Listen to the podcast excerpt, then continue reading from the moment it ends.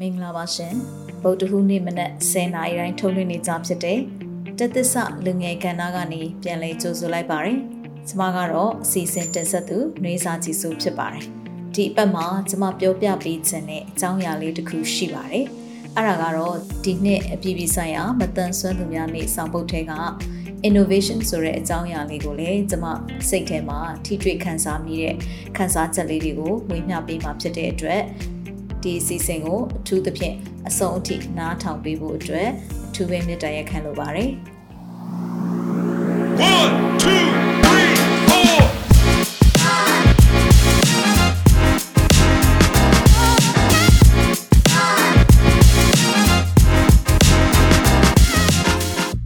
မင်္ဂလာပါရှင်ရေရေမုံမုံပို့ပို့ပပရဲ့အပတ်စဉ်ဗုဒ္ဓဟူးနေ့မနက်10:00နာရီတိုင်းတင်ဆက်နေကြဖြစ်တဲ့ စက်သစ္စာလူငယ်ကဏ္ဍကနေကြိုဆိုလိုက်ပါရယ်ဒီ podcast ကတော့မြမလူမှုနယ်ပယ်ကစိတ်အားတက်ကြွပွဲဇလန်းစုံကိုအများသူငါကိုမတန်ဆွမ်းမှုအသိပညာမြင့်တင်ပေးဖို့အတွက်လွတ်လပ်တဲ့တွေးခေါ်ဆင်ခြင်နိုင်မှုတွေနဲ့မျှဝေလိုကြသူတွေရဲ့အသံတွေကိုပြုစုပြောင်းထောင်ဖို့တည်ထောင်ထားခြင်းဖြစ်ပါတယ်။ အဲ့တော့ပထမဆုံးစတင်ကျင်းပခဲ့တာကတော့1992ခုနှစ်ဒီဇင်ဘာလ3ရက်နေ့ဖြစ်ပါတယ်။ဘာကြောင့်ဆောင်ပုတ်တွေကိုတစ်နှစ်နဲ့တစ်နှစ်မတူအောင်ပြောင်းလဲပြီးတော့မှသတ်မှတ်လဲပေါ့နော်။ဒါကလည်းအရင်စိတ်ဝင်စားဖို့ကောင်းတဲ့အချက်ဖြစ်တယ်။နှစ်စဉ်နှစ်တိုင်းဒီဇင်ဘာလ3ရက်နေ့ကိုရောက်လာတိုင်းလူအဖွဲ့အစည်းထဲမှာအဆင့်တိုင်းအလှော်တိုင်းမှာရှိနေကြတဲ့မတန်ဆွမ်းသူတွေရဲ့အခွင့်အရေးတွေသူတို့ရဲ့ဒုက္ခချမ်းသာခြင်းတွေကိုမြင့်တင်ပေးနိုင်ဖို့အတွက် နိုင်ငံရေးလူမှုရေးစီးပွားရေးယဉ်ကျေးမှုစတဲ့ဘဝကဏ္ဍဘောင်းဆောင်ကနေပြီးတော့မှမတန်ဆွမ်းသူတွေရဲ့အခြေအနေတွေကိုအသိပညာမြင့်တင်ဖို့အတွက်ဒီနှစ်တင်မှာရှိနေတဲ့ကိုစားပြုဆောင်ရွက်ရမယ့်အခန်းကဏ္ဍတွေကိုမိမောင်းထိုးပြတာနဲ့အတူတူပဲဖြစ်ပါတယ်။ နှစ်စဉ်နှစ်တိုင်းအပြည်ပြည်ဆိုင်ရာမတန်ဆွမ်းသူများနေ့အတွက်ဆောင်ပုဒ်တွေကိုကုလသမဂ္ဂကနေထုတ်ပြန်ကြေညာပေးလေးရှိပါတယ်။ဒီနှစ်2022ခုနှစ်အတွက်ဆောင်ပုဒ်ကတော့ Transformative Solutions for Inclusive Development The Role of Innovation in Fueling an Accessible and Equitable World. အားလုံးပါဝင်ဖွံ့ဖြိုးဖို့စမ်းသစ်တီထွင်အဖြေရှာစုအားလုံးလက်လန်းမီညီမျှရေး တီထွင်ဖန်တီးမှုစွမ်းအားဖြင့်ဆောင်ရွက်ပေးလို့ဘာသာပြန်ဆိုထားပါတယ်။ကျမတို့နိုင်ငံမှာမတန်ဆွမ်းမှုကိုအခြေခံအားဖြင့်၄မျိုးသတ်မှတ်ထားပါတယ်။ကိုယ်အင်္ဂါမတန်ဆွမ်းသူအမြင်အာယုံမတန်ဆွမ်းသူအပြောအကြားအာယုံမတန်ဆွမ်းသူဉာဏ်ရည်မတန်ဆွမ်းသူဆိုပြီးတော့၄မျိုးသတ်မှတ်ထားပါတယ်။ဒီတော့မတန်ဆွမ်းမှုမှာလည်းတိတာမြင်တာတဲ့မတန်ဆွမ်းမှုရှိသလိုမတိတာမမြင်တာတဲ့မတန်ဆွမ်းမှုတွေလည်းရှိပါတယ်။ ရုတ်တရက်အားဖြင့်တော့လူတွေသဘောပေါက်နားလဲတာကဘိန်းတက်ကလထိုင်သုံးတဲ့သူတွေလက်ထောက်ချိုင်းထောက်ဒုတ်ကောက်အဆရှိတဲ့ပုံစံအမျိုးမျိုးသောအထောက်အကူပြုပစ္စည်းတွေကိုအသုံးပြုကြတဲ့သူတွေကိုပဲကိုယ်အင်္ဂါမတန်ဆွမ်းသူလို့သိကြပေမဲ့အနာကြီးယောဂခံစားရမှုကြောင့်လူအတိုင်းဝိုင်းတွင်မှာဝင်ဆက်နိုင်မှုအားနည်းကြတဲ့ပုံကိုယ်တွေကိုတော့မတန်ဆွမ်းသူလို့ထည့်သွင်းစဉ်းစားပြီးမြင်တတ်ဖို့လိုပါတယ်။ အထူးသဖြင့်သူတို့ခံစားနေရတဲ့ယောဂဝေဒနာအပြင်ရုပ်ပိုင်းဆိုင်ရာမှာဆုပ်ယုပ်မှုတွေဖြစ်လာတဲ့အခါမှာပတ်ဝန်းကျင်လူမှုအတိုင်းဝိုင်းကခွဲခြားဆက်ဆံမှုတွေကြောင့်စိတ်ပိုင်းဆိုင်ရာပါထိခိုက်နိုင်ပြီးတော့မှလူမှုအတိုင်းဝန်းတွင်မှာ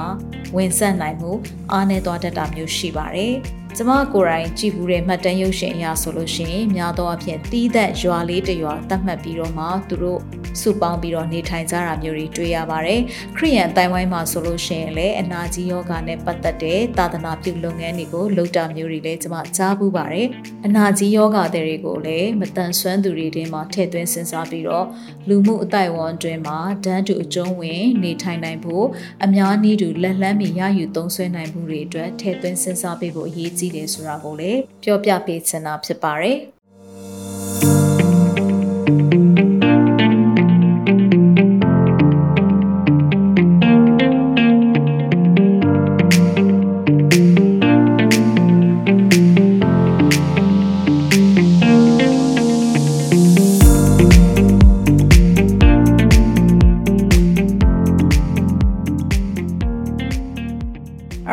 ဆောင်ပုတ်ထဲမှာကျမအနေနဲ့သွားပြီးတော့မှရင်ခုန်စိတ်လှုပ်ရှားရတဲ့စကားလုံးလေးတစ်လုံးရှိပါတယ်အဲ့ဒါကတော့ innovation လို့ခေါ်တဲ့စမ်းသစ်တီထွင်မှုဖြစ်ပါတယ်နေ့စဉ်အတန်ဆွမ်းသူတွေရင်ဆိုင်ကြုံတွေ့နေရတဲ့အတားအဆီးတွေကိုဖြေလျှော့ဖို့အတွက်ဆိုလို့ရှိရင်ဤပညာစမ်းသစ်တီထွင်မှုတွေဟာအရန်ကိုအားကောင်းလာတာကိုတွေ့ရပါတယ်ကျမတို့စီမှာလည်းမဝေးတော့တဲ့အနာဂတ်မှာဒီလိုမျိုးဤပညာအားကောင်းနိုင်ဖို့အလားအလာတွေလည်းရှိလာပါပြီ အဲ့တော့စမ်းသစ်တီထွင်မှုဆိုတာဘာလဲပေါ့နော်ဆိုတော့ကျမတို့ဒီစမ်းသစ်တီထွင်မှုဆိုတာကတော့များသောအားဖြင့်စီးပွားရေးအမြင်နဲ့ဈေးကွက်မှာချဲ့ထွင်ပြီးတော့မှလူတိုင်းအတွက်အသုံးဝင်နိုင်ဖို့ထည့်သွင်းစဉ်းစားမှုတွေကိုဆိုလိုချင်တာဖြစ်တယ်အဲ့တော့စမ်းသစ်တီထွင်မှုဆိုတာကထုတ်ကုန်လည်းဖြစ်ရင်ဖြစ်မယ်ဝန်ဆောင်မှုလည်းဖြစ်ရင်ဖြစ်မယ်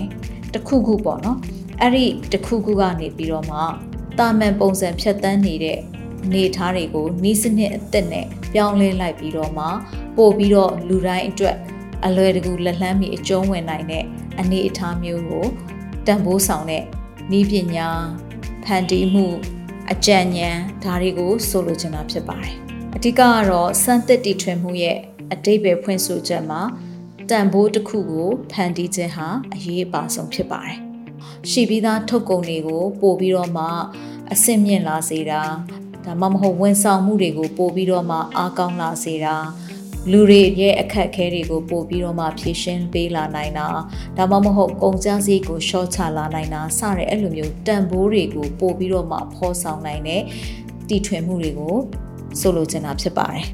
အထူးသဖြင့်မတန်ဆွမ်းသူတွေရဲ့နေ့စဉ်နဲ့အမျှရင်ဆိုင်ကြုံတွေ့နေရတဲ့မိမိတကိုယ်ရဲ့ရည်တည်နိုင်ဖို့အတွက်ပညာသင်ကြားဖို့အတွက်နေစာတူဝလုပ်ငန်းဆောင်တာတွေကို လှုပ်ဆောင်နိုင်ဖို့အတွက်သူတို့ရဲ့မတန်ဆွမ်းမှုကြောင့်ခက်ခဲအားနေတဲ့ကဏ္ဍတွေကိုပို့ပြီးတော့မှအားကောင်းလာအောင်လှုပ်ဆောင်နိုင်ဖို့အတွက်ဆိုလို့ရှိရင်ဤပညာရဲ့စမ်းသစ်တီထွင်မှုအခန်းကဏ္ဍဟာမတန်ဆွမ်းသူတွေရင်ဆိုင်ကြုံတွေ့နေရတဲ့ barriers လို့ခေါ်တဲ့ဟန်တာမှုအခက်အခဲအတားအဆီးတွေကိုကျော်လွှားလွန်မြောက်နိုင်ဖို့အတွက်အထောက်ပံ့ကောင်းတွေအများကြီးပေးနိုင်တာဖြစ်ပါတယ်။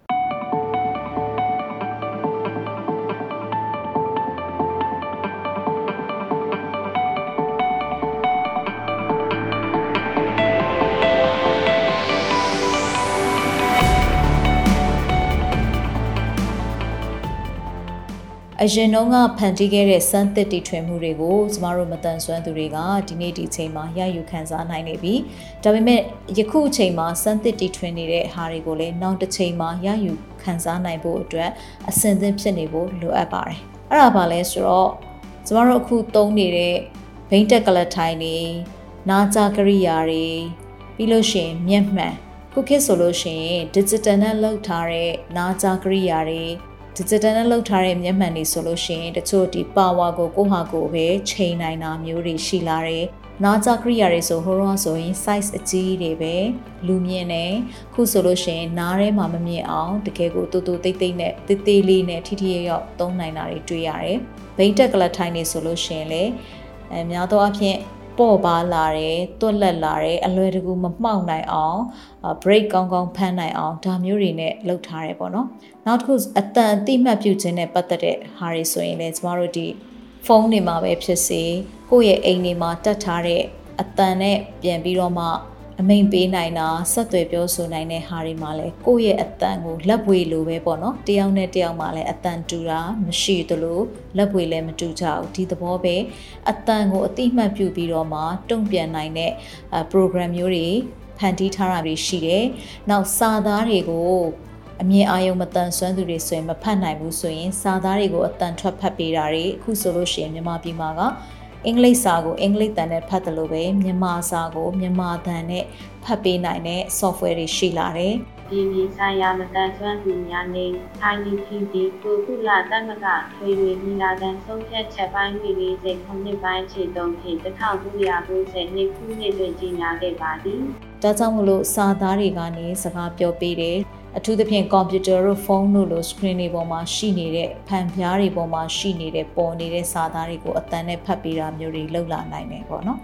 ပြီးလို့ရှိရင်အမြင်အာရုံအားနေတဲ့သူတွေအတွက်စာသားတွေကိုချဲ့ပြီးတော့မှကြည်မာမြင်တဲ့သူတွေအတွက်ဆိုရင်ဖန်သားပြင်ပေါ်ကနေစာသားတွေကိုချဲ့နိုင်တဲ့ magnifier လို့ခေါ်တာပေါ့နော်အဲ့လိုမျိုး enlarge လုပ်နိုင်တဲ့ size တွေကိုကြီးနိုင်တဲ့ဖတ်ပေးနိုင်တဲ့ software တွေလည်းရှိလာတယ်။နောက်ပြီးတော့ ပြီးတော့ tool design ထုတ်ထားတဲ့ computer တွေရှိမယ်ခလုတ်တွေရှိမယ် keyboards တွေရှိမယ်ပေါ့နော်တချို့ဆိုလို့ရှိရင်ဒီမျက်စိမမြင်လို့လက်နဲ့မရေးနိုင်တော့ဘူးဆိုလို့ရှိရင်လက်နှိပ်ဆက်တွေရှိတယ်ဒါမျက်မမြင်လက်နှိပ်ဆက်ဆိုရင် brain မှာရှိနေတဲ့အဆက်ကလေး6ဆက်ပေါ့နော် brain dots လို့ခေါ်တဲ့အဆက်ကလေး6ဆက်နဲ့ပဲမြန်မာစာအင်္ဂလိပ်စာဘယ်ဘာသာမဆိုဒီအဆက်6ဆက်နဲ့ပဲ brain စာရေးသားနိုင်အောင်လုပ်ထားတဲ့လက်နှိပ်ဆက်ရှိပါတယ် ကျမတို့အကြားအယုံမတန်ဆွမ်းသူတွေအတွက်ဆိုလို့ရှိရင်အထူးသဖြင့် screen ပေါ်ကနေပြီးတော့မှဘာသာပြန်ပေးနိုင်တဲ့ subtitle ထည့်ပေးနိုင်တဲ့ auto translate လို့ခေါ်တဲ့ဘာသာပြန်ပေးနိုင်တဲ့နည်းပညာတွေစာတန်းထိုးပေးတဲ့ဟာတွေလက်သင်္ကေတဘာသာပြန်တွေစသဖြင့်ပေါ့နော်ဒီလိုပုံစံမျိုးနဲ့သတင်းအချက်လက်တွေအလွယ်တကူလက်လှမ်းမိဖို့အတွက်လောက်ထားတဲ့သင်္ကေတတွေ နောက်ပြီးလို့ရှိရင်ကျမတို့ဒီလေစိတ်တွေတို့ဘာလို့အများပြည်သူသုံးတဲ့နေရာတွေမှာမတန်ဆွမ်းသူတွေနဲ့ပတ်သက်တဲ့အိမ်သားဆိုရင်တီးတန့်လောက်ထားတာမျိုးတွေပြီးလို့ရှိရင်ဓာတ်လေကားတွေမှာအလွှာတွေကိုမျက်မြင်စာ brain နဲ့အဖုလေးတွေနဲ့ပါတခါတည်းနံပါတ်စင်နဲ့တွဲပြီးတော့မှပုံဖော်ပေးထားတာမျိုးတွေအမြင်အာရုံမတန်ဆွမ်းသူတွေရှောက်နိုင်တဲ့ရှောက်လန်းတွေကိုဖန်တီးပေးထားတာမျိုးတွေဒါမျိုးတွေကတကိုယ်ရည်သွာလာနိုင်ဖို့အတွက် ကိုအားကိုကိုပြီးတော့မှစစရလှုပ်ဆောင်နိုင်ဖို့အတွက်ဆိုလို့ရှိရင်နီးပညာတွေပြုပြင်ပြောင်းလဲမှုတွေစမ်းသစ်တီထွင်ဖန်တီးမှုတွေရဲ့ရလဒ်တွေကိုခန်းစားနေကြရတာဖြစ်ပါတယ်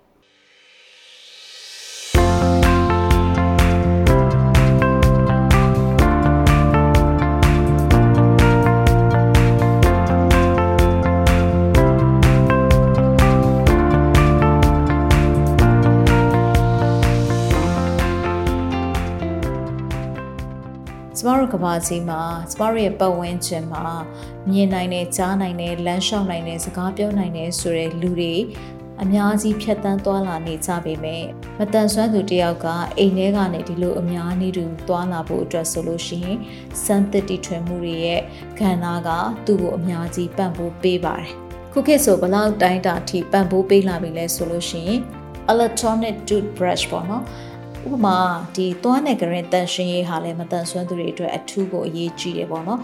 ဒါကြောင့်မလို့ကိုယ်တိုင်သွားတိုက်ဖို့ခက်ခဲတဲ့သူတွေပြီးလို့ရှိရင်ဒီသွားတိုက်တန်ကိုထိန်းချုပ်ဖို့ခက်ခဲတဲ့သူတွေအတွက်လျှက်စစ်သွားတိုက်တန်လိုဟာမျိုးတွေဖန်တီးပေးလာကြတယ် ဒီလက်နှိပ်ဆက်တွေမှာဆိုလို့ရှိရင်လေ keyboard နဲ့လက်နှိပ်ဆက်နဲ့ပူးတွဲပြီးတော့မှလက်နှိပ်ဆက်ပဲရိုက်တတ်တဲ့လူက keyboard ကိုအဆင်ပြေအောင်ပေါ့နော် keyboard ပဲရိုက်တတ်တဲ့လူကလည်းလက်နှိပ်ဆက်မှာအဆင်ပြေအောင်ဒီလိုနှစ်ခုတွဲပြီးတော့မှဖန်တီးတဲ့ပုံစံတွေပေါ်လာတယ်နောက်တစ်ခါကျတော့ဒီမီးဖိုချောင်သုံးကရိယာပေါ့တချို့သောမတန်ဆွမ်းမှုတွေကလက်နဲ့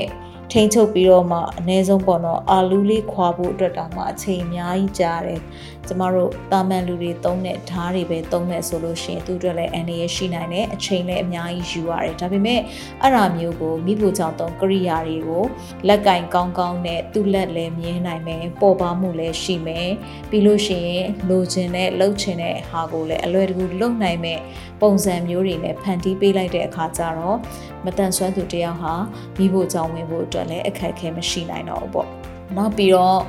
spinner လို့ခေါ်ရဲပေါ့နော်ဒီသူသဖြင့်ညံရည်မတန်ဆွမ်းသူတွေထဲမှာစိတ်တည်ငြိမ်အောင်လို့ပေါ့နော်သူတို့စော့လို့ရတဲ့ပစ္စည်းလေးပေါ့ ဒါလေးတွေကသုံးမြောက်ပုံသဏ္ဍာန်လေးတွေရှိတယ်အထူးသဖြင့်အဝိုင်းလေးသုံးခုဆက်ထားတဲ့ပုံစံမျိုးလေးတွေပေါ့နော်ဒီဟာလေးကို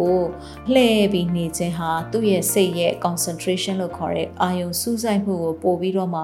ဇောင်းပေးပြီးတော့အထောက်အကူပြုတဲ့ကစားစရာလေးတွေကိုလည်းဖန်တီးလာတာကိုတွေ့ရတယ်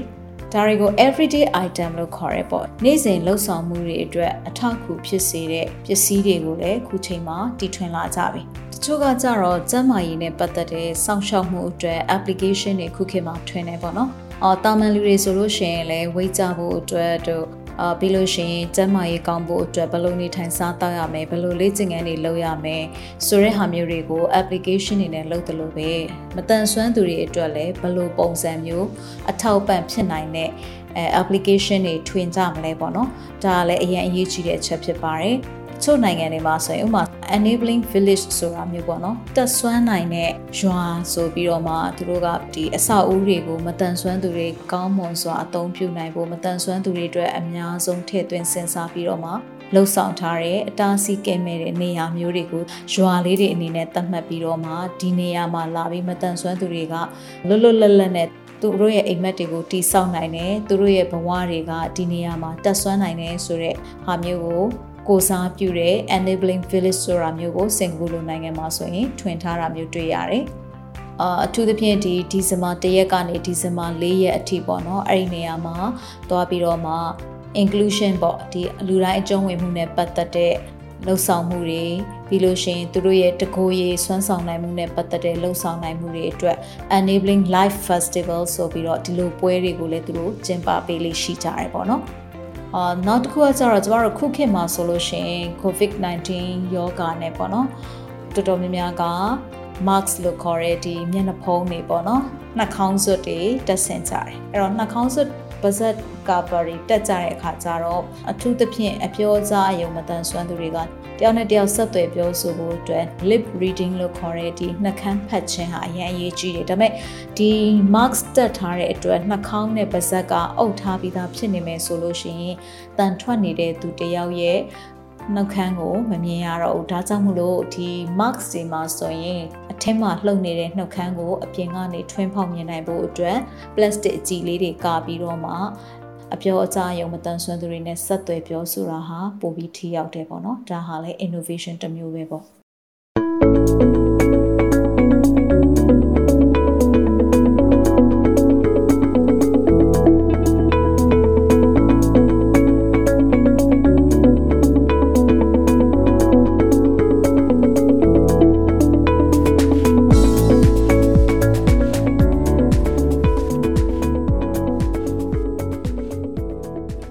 ခုခေတ် virtual assistant လို့ခေါ်တဲ့လူတော့မဟုတ်ဘူးကိုယ့်ရဲ့အာလူတယောက်လိုမျိုးအားကိုးရတဲ့အထောက်ပံ့ကောင်းပစ္စည်းလေးပေါ့နော်အဲ့ဒါကတော့ပုံစံမျိုးစုံရှိတယ်တချို့ကလည်း bluetooth speaker လေးတွေလိုဝိုင်းဝိုင်းလေးတွေလည်းရှိတယ်ပြပြလေးတွေလည်းရှိတယ်လုံးရှည်လေးတွေလည်းရှိတယ်ပုံစံမျိုးစုံပေါ့ coffee ခွက် site လောက်ကလေးတွေလည်းရှိတယ်ဒီ virtual assistant တွေကတော့ဘာလုပ်ပေးလဲဆိုလို့ရှိရင်ကိုယ့်ရဲ့ schedule တွေပေါ့နော်ကိုဘယ်နေ့ဘယ်သွားမယ်ဆိုတာမျိုးကိုကိုယ်တိုင်မလုပ်နိုင်ရင်သူတို့ကိုခိုင်းတာမျိုးအနည်းဆက်ဆုံးပြောရရင်တော့ကျမတို့ဒီ iPhone သုံးတဲ့လူတွေဆိုရင် Siri ဆိုတာကိုသိမယ်ပေါ့နော် S I R I Siri ဆိုတာဒီ Siri ဆိုတာလေးကဒါကျမတို့ရဲ့ personal assistant ပုံစံမျိုးပဲဒီဖုန်းထဲမှာဖုန်းကိုလက်နဲ့ကင်ပို့ပြီးတော့မှမသုံးနိုင်တဲ့သူမျိုးတွေက voice command လို့ခေါ်တဲ့ပါစက်နဲ့အမိန့်ပေးနိုင်ဖို့ဆိုရင် Siri ကနေပြီးတော့မှစကားပြောပေးတယ်ဒါပေမဲ့ကျမတို့မြန်မာဘာသာစကားနဲ့တော့မရှိသေးဘူးပေါ့နော်အဲအင်္ဂလိပ်ဘာသာစကားနဲ့တော့ပြောလို့ရပါတယ်အင်္ဂလိပ်ဘာသာစကားပြောနိုင်တယ်ဆိုလို့ရှိရင်အဲသူကနေပြီးတော့မှပြန်ပြီးတော့ကိုခိုင်းတဲ့အကြောင်းအရာဥပမာကိုကဘယ်ဖုန်းနံပါတ်ကိုငါ့ကိုခေါ်ပြီးဆိုပါစို့ကိုကဖုန်းထဲမှာလူတယောက်ရဲ့နာမည်နဲ့ memory မှတ်ထားရဲဆိုရင်အဲ့ဒီလူရဲ့နာမည်လေးကိုငါ့ကိုခေါ်ပေးဆိုရင် तू ကခေါ်ပေးတယ်အာပြီးလို့ရှိရင်ငါ့ကိုအလန်းဘယ်နှမိနစ်ဘယ်နှနာရီပေးလိုက်ပါဆိုရင် तू ကအလန်းပေးပေးတယ်အာအိမ်ကအပြင်ထွက်သွားတော့ကို तू ကအိမ်ကျန်ခဲ့မယ်ဆိုရင်ဘယ်သူကဖုန်းခေါ်လဲဘယ်ကဘယ်နှခါမြည်တယ်လဲရာသီဥတုကဘယ်လိုအနေထားရှိတယ်လဲစသဖြင့်ပေါ့နော်ဒီလိုမျိုးသတင်းအချက်လက်တွေကို तू ကပြန်ပြီးတော့ပြောပြပေးတယ် ဒါကြောင့်မလို့ကို့အိမ်မှာလူတယောက်ရှိနေတယ်လို့ပဲကို့အနားမှာလူတယောက်လာပြီးနေတယ်လို့ပဲသူကနေပြီးတော့မှကာယကံမြောက်လုပ်ရတဲ့အလုပ်တော်တော်များများကိုသူကကူညီဖြည့်ရှင်းပေးနိုင်တယ်ပေါ့နော်အဲ့ဒီ virtual assistant ကတခြားဘာလုပ်ပေးနိုင်သေးလဲစကားပြောရုံပဲလားဆိုရင်မဟုတ်ပါဘူးသူက screen အနေနဲ့ဆိုရင်တကယ်လို့ကိုက smartphone လိုမျိုးတွေ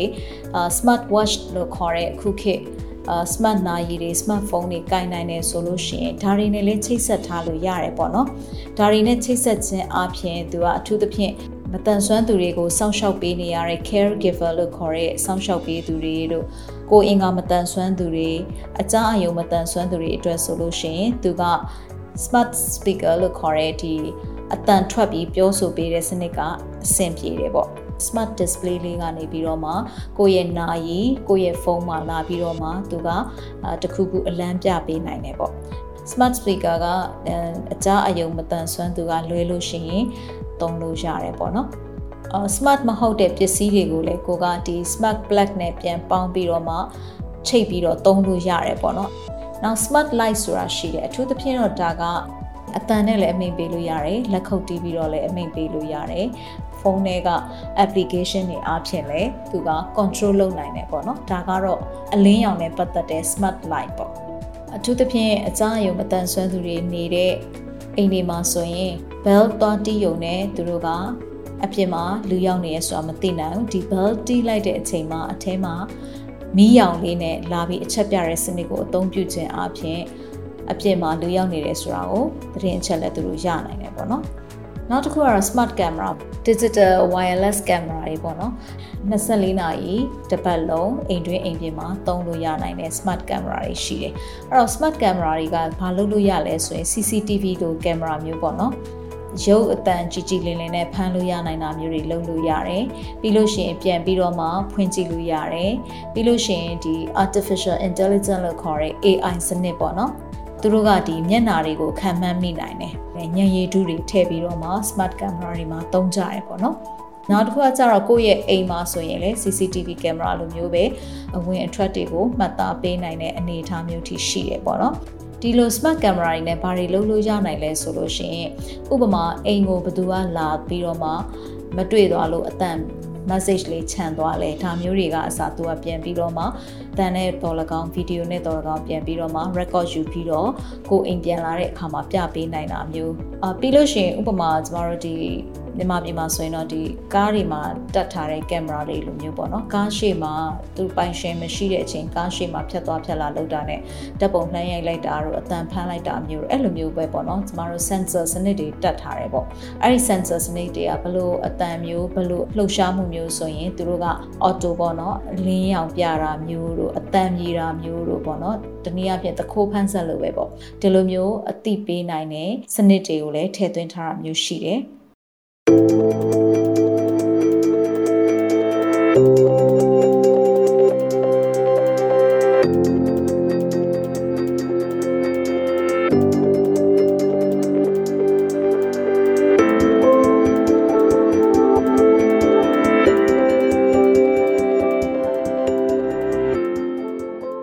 နောက်ဒီစောင့်ရှောက်တဲ့သူပေါ့နော်အ တန်ဆွမ်းသူတွေကိုပဲဖြစ်စေတက်ကြီးရွယ်ဦးတွေကိုပဲဖြစ်စေစောင့်ရှောက်တဲ့သူတွေအတွက်ဆိုလို့ရှိရင်လေသူစောင့်ရှောက်ရတဲ့မိသားစုဝင်ပဲဖြစ်စေအတန်ဆွမ်းသူကိုပဲဖြစ်စေပေါ့နော်စောင့်ကြည့်ဖို့အတွက်ဆိုလို့ရှိရင်လေဒီလိုမျိုး smart camera တွေကိုအသုံးပြုကြတယ်ပေါ့နောက်တစ်ခါကျ smart doorbell ပေါ့နော်ဒါကလည်း ပုံမှန်ကျမတို့တကားမှာတက်ထားတဲ့ bell လို့ပါပဲဒါပေမဲ့သူ့မှာကင်မရာလေးပါပါတယ်ပေါ့နော်ဒါကြောင့်မလို့ bell နှိပ်လိုက်တာနဲ့သူကကင်မရာနဲ့တဆင်အာအတန်လဲမြည်တယ်ဘယ်သူဘယ်ဝါရောက်နေတယ်ဆိုတာကိုလည်းအယုတ်အားဖြင့်မြင်သာစေရပေါ့နော်ဒီလိုပုံစံမျိုးတွေနဲ့တကယ်လို့အကြအယုံမတန်ဆွမ်းသူဆိုရင်တော့သူက lighting ပေါ့နော် lighting နဲ့အတိပေးပါတယ်ကြံတဲ့အတန်ကြားနိုင်တဲ့သူတွေဆိုရင်အတန်နဲ့အတိပေးတယ်တခါတည်းကင်မရာပါပါတယ်ပေါ့နော်အဲ့ဒီမှာမှသူက ဒီတကားမှာလာနေကြလူဆိုရင် လာနေကြလူရဲ့မျက်နှာကိုမှတ်မိရင်ဘယ်သူဘယ်ဝါဆိုတာပြောပြတယ်။ဘယ်လိုဒီဇိင်းဆိုလို့ရှိရင်လည်းဘယ်လိုပုံစံမျိုးလဲဆိုတာကိုမှတ်သားသိမ်းဆည်းပေးထားတယ်။နောက်တစ်ခါကျတော့ smart lock ပေါ့နော်။ဒါကလည်းအရင်အရေးကြီးတယ်။တကားတွေကို lock ချတဲ့အခါမှာအများသောဖြင့်တော့ခုခေတ်မှာဆိုလို့ရှိရင်တချို့ကတော့ကိုကတ်နဲ့အသုံးပြုတာမျိုးရှိတယ်။ကျမတို့ hotel တွေမှာသုံးတယ်လို့မျိုးပေါ့နော်။ကတ်ကလေးပြလိုက်ရင်ပွင့်သွားတာမျိုးရှိမယ်။နောက်ပြီးတော့ passport လိုမျိုးပေါ့နော်ကုန်းနံပါတ်တွေကိုရိုက်ထည့်ပြီးတော့မှဖွင့်ရတဲ့တော့မျိုးရှိမယ်နောက် fingerprint လို့ခေါ်တဲ့လက်ဝေနဲ့တော့မျိုးရှိမယ်စသဖြင့်ဖန်တီးထားတဲ့နည်းပညာအမျိုးမျိုးနဲ့ဒီ smart lock တွေကိုလည်းတီထွင်လာကြတယ်ဒီလိုတီထွင်ခြင်းအပြင်ကိုယ့်ရဲ့အိမ်ကိုပဲဖြစ်စေကိုယ့်ရဲ့တကိုယ်ရေးလုံခြုံမှုအတွက်ပဲဖြစ်စေကောင်းကောင်းထိန်းချုပ်ဖို့အတွက် smart lock တွေကိုလည်းအသုံးပြုလာကြတာတွေ့ရတယ်နောက်တစ်ခုကျတော့ infrared blaster လို့ခေါ်တဲ့ infrared ဆိုတော့ကျမတို့ဗမာလိုပြောရင်တော့အနီအောက်ရောင်ခြည်ပေါ့နော်။တနည်းအားဖြင့်ဒီရောင်ခြည်လေးတွေနဲ့ကျမတို့ကဘာကိုထိန်းချုပ်လို့ရလဲဆိုရင်ကျမတို့မှာရှိတဲ့ဖုန်းကနေပြီးတော့မှအိမ်မှာရှိနေတဲ့တခြားသော remote control တွေပေါ့။ရုံမြင့်တန်ကြားဆက်တွေ aircon တွေဒီလိုမျိုးတွေမှာကျမတို့ကအတန်စနစ်နဲ့လည်းအသုံးပြုလို့ရတယ်။ projector လို့ရုပ်အတန်တွေကိုချဲ့ပြီးကြည့်တဲ့ set တွေပေါ့ဒီလိုဟာမျိုးတွေမှာလည်းကျမတို့အတန်စနစ်နဲ့ပြန်ပြီးတော့မှအဖွင့်အပိတ်လုပ်မလဲဆိုတော့ control ပေါ့နော်ထိန်းချုပ်မှုတွေကိုလည်းကျမတို့လုပ်လာနိုင်တာဖြစ်တယ်အထူးသဖြင့်ဒီအပိုင်းမှာ smart ဖြစ်တဲ့အိမ်လေးတစ်လုံးအဖြစ်နဲ့မတန်ဆွမ်းသူတွေဘလို့ကောင်းကောင်းအသုံးပြုနိုင်တဲ့နည်းပညာစံသစ်တီထွင်မှုတွေရှိနေပြီလဲဆိုတာကိုပြောပြချင်တာဖြစ်တယ်အဲ့တော့ဒီ smart နည်းပညာတွေအပြင်လူတစ်ယောက်ကအနီးကပ်စောင့်ရှောက်နေတယ်လို့ပဲသူက auto ချိန်ထားလို့ရတယ်ဒါကြောင့်မလို့ဒါဟာ smart home လို့ခေါ်တဲ့ဟာကမတန်ဆွမ်းသူတွေအတွက်ဆိုလို့ရှိရင်အရန်ကိုစံသစ်တီထွင်မှုတွေကအမိကိုကဲမဲ့စေတာဖြစ်တယ်ဒီလို smart home တွေဖြစ်ဖို့အတွက်ဆိုရင်သူက internet ကွန်ရက်တာကောင်းကောင်းရှိမယ်ဆိုလို့ရှိရင်ကိုယ့်ရဲ့အိမ်ထဲမှာရှိတဲ့နေရာစုံကိုဒီ smart device တွေပေါ့နော် ပစ္စည်းတွေရဲ့အကူအညီနဲ့ကိုကကောင်းကောင်းစောင့်ရှောက်ထားနိုင်တာဖြစ်တယ်ဒီနှစ်မှာရှိနေတဲ့ဆောင်ပုတ်ထဲက innovation ဆိုတဲ့အကြောင်းလေးကိုဝေမျှပေးသွားတာဖြစ်ပါတယ်လာမယ့်2022ခုနှစ်ဒီဇင်ဘာလ3ရက်နေ့မှာကြာရောက်မယ်အဖြစ်ဖြစ်ဆိုင်ရာမတန်ဆွမ်းသူများနေ့မှာလည်းကျမတို့ရဲ့လူမှုအတိုင်းအဝန်းမှာရှိနေတဲ့အမျိုးမျိုးသောမတန်ဆွမ်းသူတွေကိုစမ်းသစ်တီထွင်မှုတွေနဲ့အတူမိမိကျွမ်းကျင်တဲ့ခန္ဓာတွေ မိမိလှုပ်ဆောင်နေတဲ့အရေးကိစ္စတွေမှာထည့်သွင်းစဉ်းစားပြီးတော့စီမံလာနိုင်မယ်ဆိုလို့ရှိရင်မဝေးတော့တဲ့အနာဂတ်မှာကျမတို့မြန်မာနိုင်ငံမှာရှိတဲ့မတန်ဆွမ်းသူတွေဟာအခက်ခဲအတားအဆီးတွေကိုကြော်ဖြတ်နိုင်ပြီးအမိခိုကင်းတဲ့အားလုံးအကျုံးဝင်တဲ့လူမှုအတိုင်းအဝန်းမှာတန်းတူဝန်ဆက်ပျော်ရွှင်လာနိုင်မယ်မိတ်ဆွေတို့ရဲ့အသည့်အမြင်မှာတစုံတစ်ခုရသွားမယ်လို့ကျွန်မအနေနဲ့ယုံကြည်မျှော်လင့်ပါတယ်။ လာမယ့်2023ခုနှစ်မှာလည်းမတန်ဆွမ်းသူတွေအတွက်မိတ်ဆွေရဲ့ဖန်တီးမှုတွေလှုပ်ဆောင်မှုတွေမှာ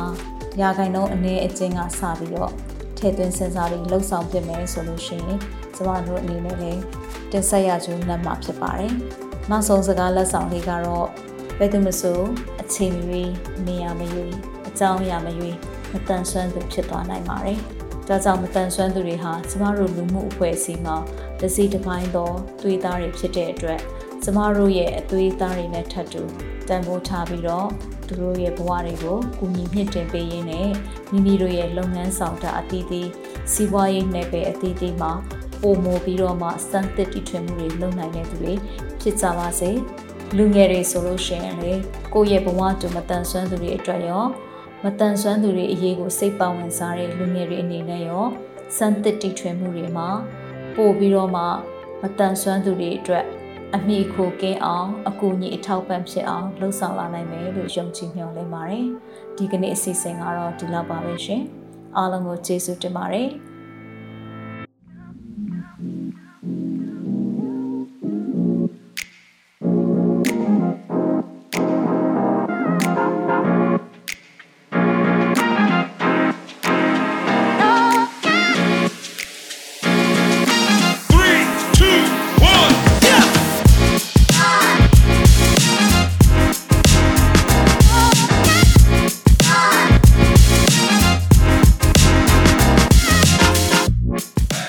မတို့ရဲ့ရေရေမောမောပေါပေါပပပေါ့ကတ်အစီအစဉ်မှာအလုတ်တင်အဖြစ်ဖန်တီးမှုမျိုးစုံကိုလက်စွမ်းပြလှုပ်ဆောင်ဖို့စိတ်ပါဝင်စားသူများအနေနဲ့